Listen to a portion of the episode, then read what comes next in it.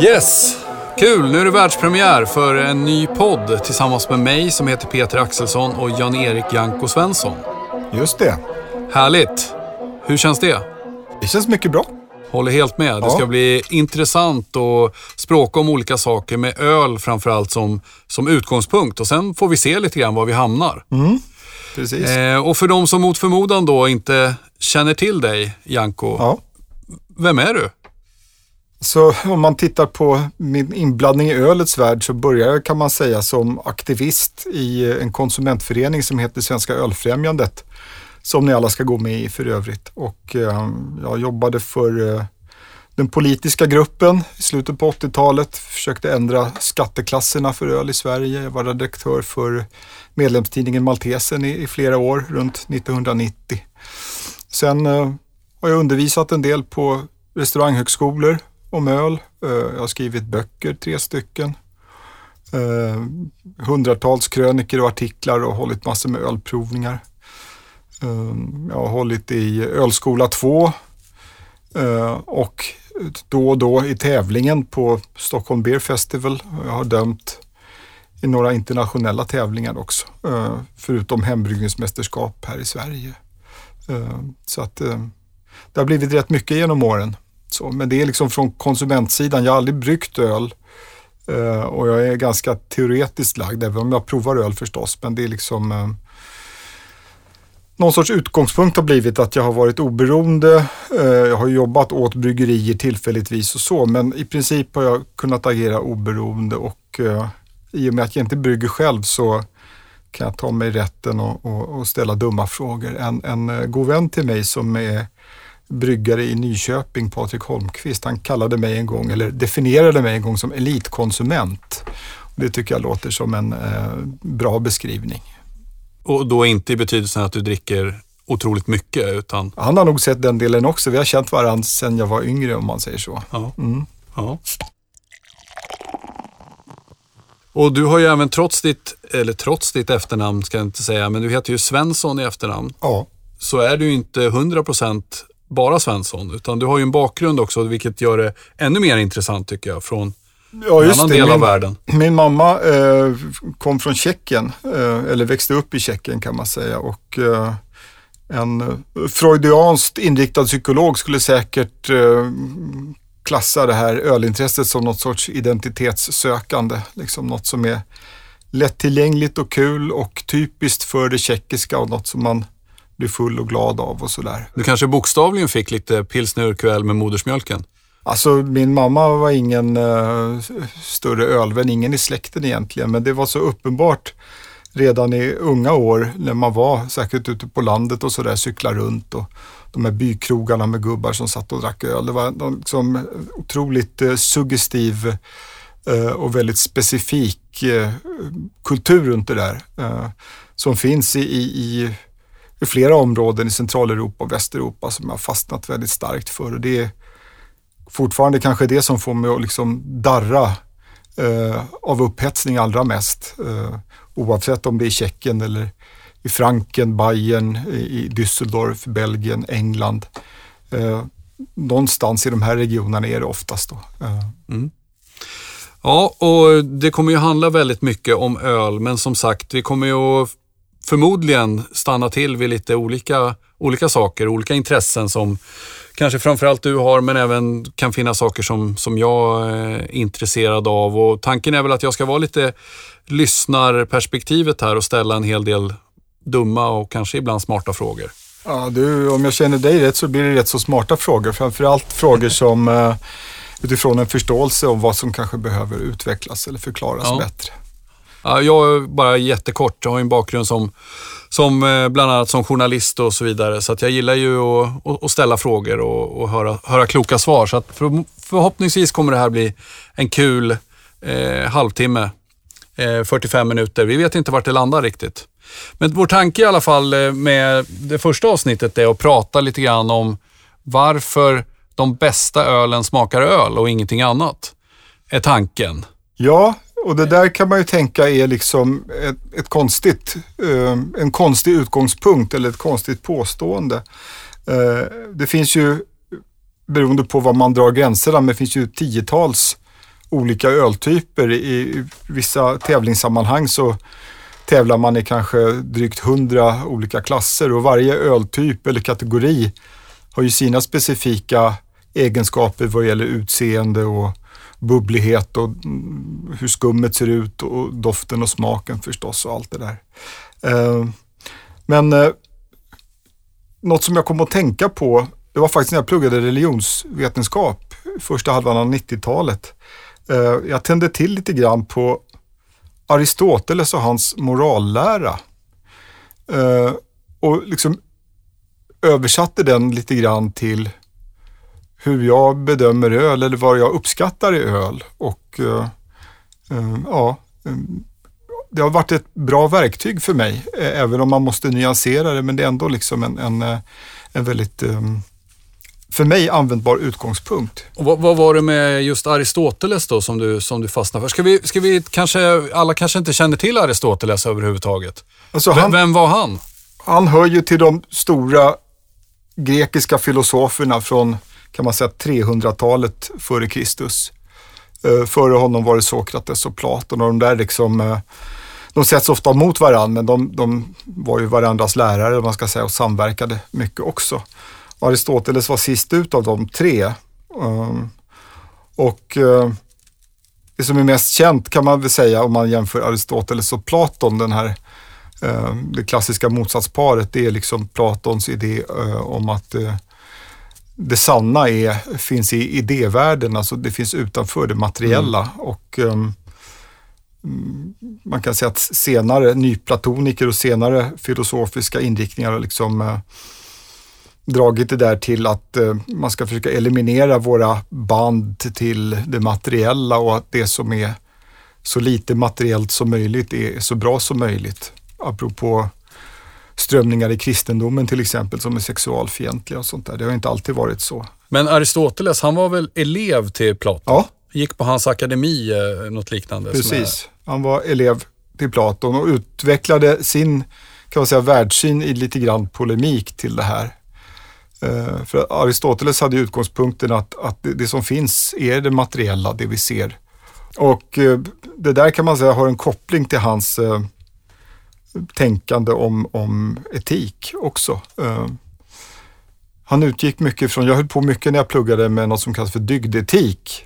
Som uh, förenklat kan man säga att goda handlingar är de som utförs av en god människa. Och vad är då det, kan man säga. Och, en, en uh, utgångspunkt för Aristoteles det är att allting har ett specifikt syfte eller någon definierande egenskap. Mm. Um, kan du ge några exempel på? Alltså om en mikrofon inte kan ta in ljud så är det ju inte en bra mikrofon. Utan ju bättre en mikrofon tar in ljud och förvanskar det så lite som möjligt, desto mer uppfyller mikrofonen eh, sitt syfte kan man säga. Eh, och en annan sån här klassisk, ett tak, eh, om det inte skyddar mot regn och snö och sol så är det inget bra tak. Det är liksom väldigt enkla exempel. Men är det, är det, skulle man kunna säga, jag pratar, liksom när man pratar om design till exempel. Ja. Alltså om vi tar stolen som exempel igen. Ja. Alltså, det finns ju stolar som är extremt snygga men de går ju inte att sitta på. Ja, stolens främsta syfte skulle man kunna hävda är ju att man ska kunna sitta på den. Och den som är liksom eh, bäst ägnad att uppfylla det syftet är ju den bästa stolen enligt det här sättet att tänka. Mm, mm. Men man kan ju naturligtvis nyansera det också. Mm, mm. Hur som helst, eh, mm. det han kom fram till när det gäller människan då, apropå moral, eh, det är att det som är specifikt för människan, det som skiljer människan från allt annat på jorden, det är vårt förnuft, logos, um, vår förmåga att reflektera. Han gillade ju att vara filosof, det var ju något fint, eh, kom man fram till genom det förstås. Mm. Och eh, då är det människans, eh, kan man säga, plikt eller uppgift att odla sin specifika egenskap. Eh, och målet är då att, att eh, genom praktiska handlingar, eh, dygden, arete på grekiska, att man skulle göra gott för andra människor. Här kommer man in på gyllene medelvägen och sådär, mm. en balans. Det finns ju inte bara i grekisk filosofi, det är ett bredare begrepp. så. Och Mm. Målet är ju någon sorts välmående, det här. Lycka eller välbefinnande. Mm. Evdaimonia på grekiska. Mm. Och då kan man tänka, vad har det här med öl att Ja, göra? jag sitter just och funderar på det. Var, var, Ja. gag, var, varför gaggar vi så mycket om Precis. Aristoteles? Drack han öl till exempel? Drack de öl på den tiden? Jag vet faktiskt inte, men jag, jag, jag gissar det. Nu, det verkar vara så att i alla kulturer där man har haft tillgång till eller kunnat odla vindruvor så har man föredragit det. Det är ju på ett sätt enklare att göra vin. Så öl har ju alltid liksom funnits eller utvecklats framförallt i områden där inte vindruvor trivs. Men de äldsta beläggen för öl finns ju i, i eh, Mellanöstern och Egypten. Eh, varma trakter. Eh, man gjorde ju på ett lite annat sätt än idag, men det är ju helt klart liksom en, en eh, kolhydratbaserad jäst dryck eh, med spannmål som extraktgivare och det är det som är liksom definitionen av öl. För att, för att en dryck ska kallas för öl så måste extraktet, kolhydraterna, det som jästen omvandlar till alkohol och kolsyra, det måste komma från spannmål, alltså något sädesslag. Det är definitionsmässigt öl. Vet man, eh, eller gissar man, när, gjorde man den första ölen egentligen? Alltså det, eh, jag, jag tittar så här med några års mellanrum mm.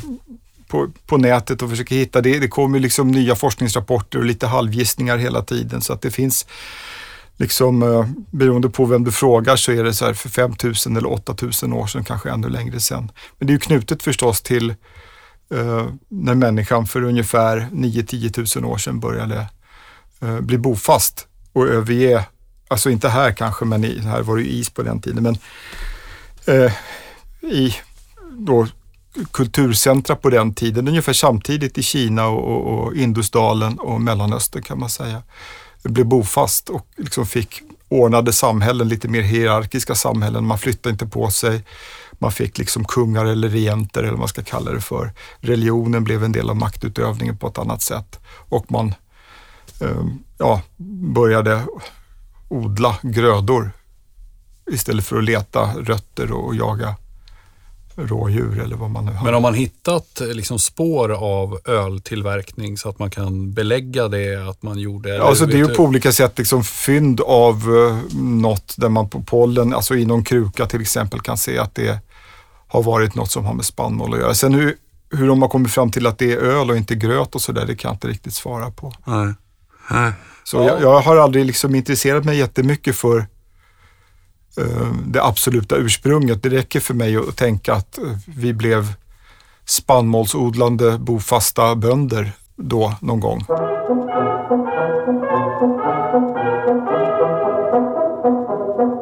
Men just det där tän- tänker jag på att eh, det var allt, i alla fall hos mig, att det har varit en känsla av att vin alltid har varit lite finare om du förstår vad jag menar. Att Ja. öl har varit lite mer bonnigt och mer eh, den typen av, av dryck Ja, eh, på något sätt. Ja, har det var, liksom om man backar bandet, har, har det varit så rent generellt? Att det var de finare människorna drack vin och de lite fattigare drack öl? alltså det kan ju bero på att vin är godare än öl. Ja. Eh, vilket det ju är. Eh, men eh, ja, det finns ju, nu kommer jag inte ihåg vilken källa det var, men jag har läst någonstans att, att eh, liksom, de gamla romarna tyckte att öl liksom, det fanns, men det var barbarernas dryck ungefär. Så att, eh, den uppfattningen har hållit i sig. Och sen tror att vinets status har hjälpts lite grann av att, att det har en, en central roll som, som Kristi blod i, i, i kyrkan, alltså i kristna länder. Ehm, det är ju fint. Mm. Ja, så. Så. kan det ju vara. Ja. ja. Ja. Nej, men om vi, back, om vi går tillbaka till vår vän Aristoteles Ja, där och, och hans, eh, det här, om vi försöker koppla ihop det med ölen då och varför den, den bästa ölen smakar öl och inget annat. Ja, precis. Om man då tänker att det som är typiskt eller ja, kännetecknande för människan är vår förmåga att reflektera. Då kan man säga att det som är liksom, definitionen av öl, det var som jag berättade nyss då att, att eh, extraktet öl, det som jäser och blir alkohol och kolsyra måste komma från något sädeslag, från något spannmål. Oftast är det korn som man gör malt av. Man kan göra av andra sädeslag också. Och eh, numera åtminstone så kryddas nästan alla öl i världen med humle. Det är liksom en bas i det här. Många tror att man gör öl av humle, men det är en, den krydda. Det användes från början för att um, öka hållbarheten för det innehåller bakteriedödande syror. Men uh, Idag kan man väl säga att huvudsyftet är att, att uh, skapa friskhet och en balans mot uh, fylligheten och sötman. Och då kan man tänka sig utifrån den här aristoteliska principen att ju renare de här egenskaperna av malt och humle framträder i ölet, desto bättre öl är det. För att det är malt och humle som gör att, att någonting blir ett öl. Uh, jag kom att tänka på det här liksom i samband med att det blev mer och mer populärt med andra öltyper än, än eh, kan man säga, um, lager och ale. Det var ju sånt redan från början och, och porter också. Uh, men liksom när man börjar bredda sig lite och, och kommer i kontakt med bayerska veteöl som har fruktiga dofter av banan och kan innehålla nejlika eller muskot och belgiska veteöl som har mycket andra dofter och sen förstås eh, lite starkare öl som innehåller högre alkohol som luktar Dr. Pepper eller bittermandel på olika sätt och sådär. Då funderar man liksom, är, är, det kan ju vara gott, eh, men det kan kännas som att det stör också någonstans. Så jag insåg att, att eh, när det gäller mina personliga preferenser så, så tycker jag bäst om de öl, alltså med hjärtat bäst om de öl som, som där malten och humlen var utpräglad och så ensam som möjligt. Ja. Så. Ja, men vi, vi träffades ju, ja, vi pratade om det här förut, för 15 år sedan ungefär. Ja. På, på ölmässan då, där du har varit och som du nämnde, föreläst och så vidare och, var, och dömt, bedömt öl. Ja. Eh, och då vet jag att vi, vi drack eh, eh, pilsner urquell där. Ja. Eh, ur tunnan som Just det. alltid, som alltid finns där. Ja. Eh, självrunnen och, och så vidare då. Eh, och då, på den tiden, då var jag väldigt så att man var intresserad av, då hade ju IPA och, och hela den biten. Ja. Och då beskrev du det som, vet jag någon gång, att man hade gått hela varvet runt så att säga. När Ja. man har provat och så går man ändå tillbaka till den här, den här, det rena, det, vad ska man säga, ja, det perfekta som vi pratar om här, den bästa ölen, smakar Ja. öl och inget annat. Och, och, och då kände jag så här, ja, det är, ju, det, är ju, det är ju rimligt egentligen. För annars så, det blir ju, vad ska man säga, det blir ju nästan oändligt. Som det har blivit nu. Jag vet ju att många, många som eh, ägnar sig åt öl har ju åsikter om också, jag menar alla de här som har kommit när det kommer en marshmallow, stout, eh, extra cookie dough, så. Det kan ju vara jättegott. Såklart Ja, alltså, kan man tycka. Men, visst. men menar, det finns en, jag bara vill komma till att det finns en rimlighet i att, att på något vis att man kommer tillbaka till, till det enkla. Att det är det som är det riktigt svåra och det kanske ursprunget och det äkta.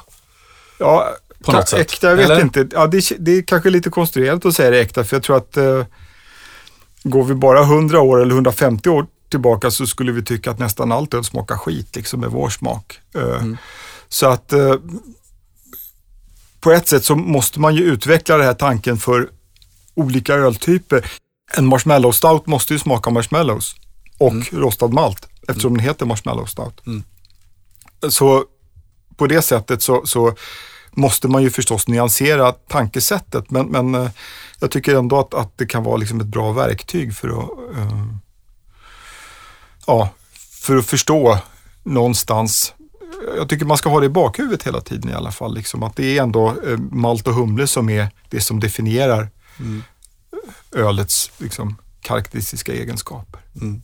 Men om, eh, återigen för att prata om Aristoteles då och den gyllene medelvägen eller det du beskrev som ett tak är ett tak. Ja, Om du skulle utveckla det lite grann när det gäller öl då, ännu mer. ja, hur skulle man kunna se på det där? Vi pratade om stolar och mikrofoner förut, men om Ja. vi pratar om, om just öl specifikt där. Så jag tycker ju att, att eh, det som är absolut viktigast i ett öl, alltid, det är maltens karaktär.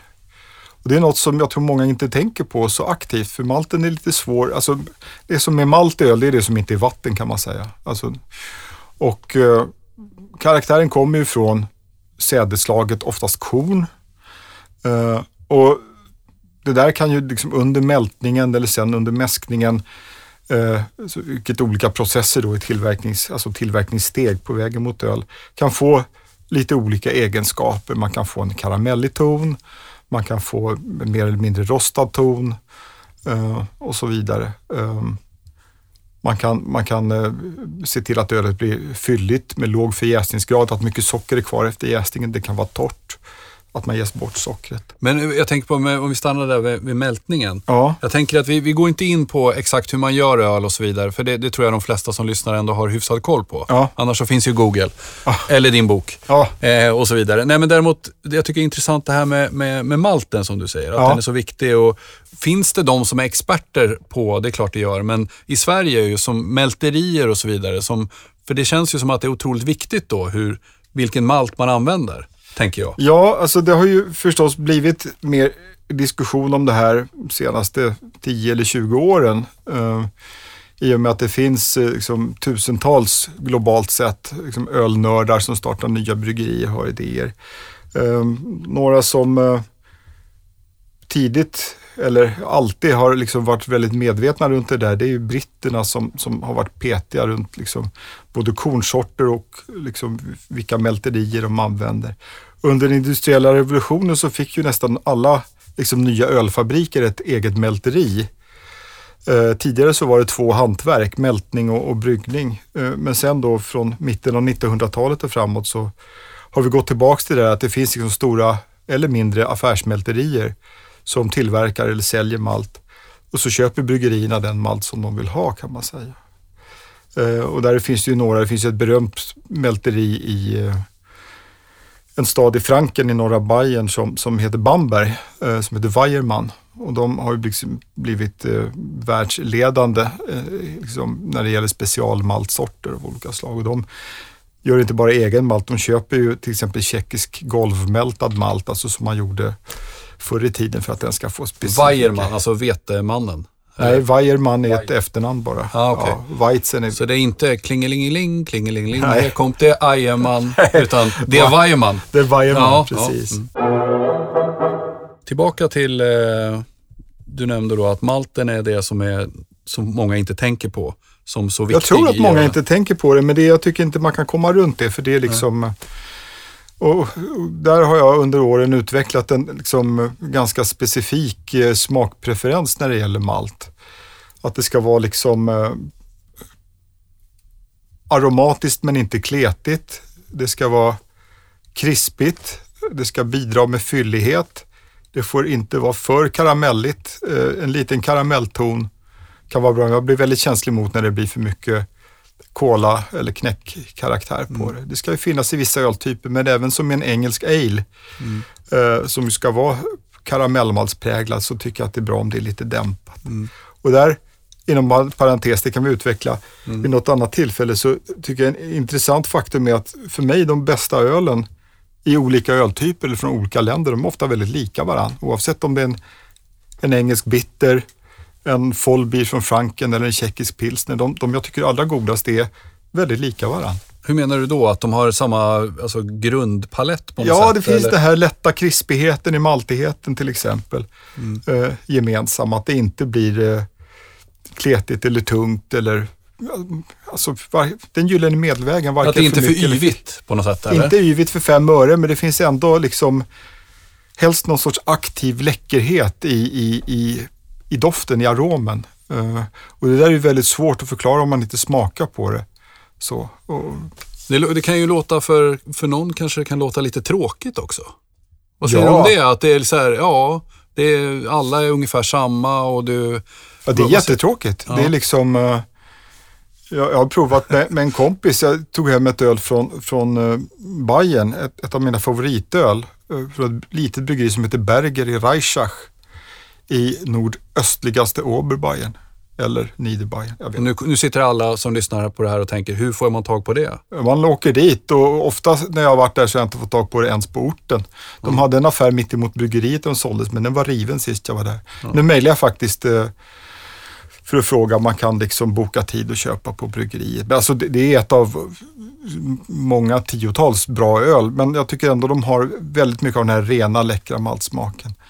Och min kamrat som provade det här, det var liksom en vanlig ljus lager, en eh, Märzen, det är en lite starkare med lite mer färg och sen en dunkel som är en mörk lager då. Och han sa, det här är för exklusivt för mig. Alltså, jag tycker det smakar ingenting. Det är liksom, jag, jag förstår inte poängen med det. Och jag, jag kan fatta det. Eh, liksom är man nytänd öldåre så är det klart att en, en, eh, eh, frukt och, kryddbomb eller något som är kraftigt rostat eller riktigt alkoholstarkt eller lagrat med de här oxiderade tonerna, lite mm. kofta och läder och sånt där. Eller att det är liksom extrembäskt eller som senaste åren är de här juiciga hazy-iporna som mm. folk gillar. Jag trodde de drev med mig först faktiskt, men det är många som gillar dem mm. på riktigt. Och ja, där... men jag kan tycka det är gott. Ja, jag förstår ibland. det. Ibland. Jag förstår. Jag, jag, har, jag har lärt mig, jag är som en ja, person som inte förstår men har lärt sig att man ska reagera på ett visst sätt när folk berättar så.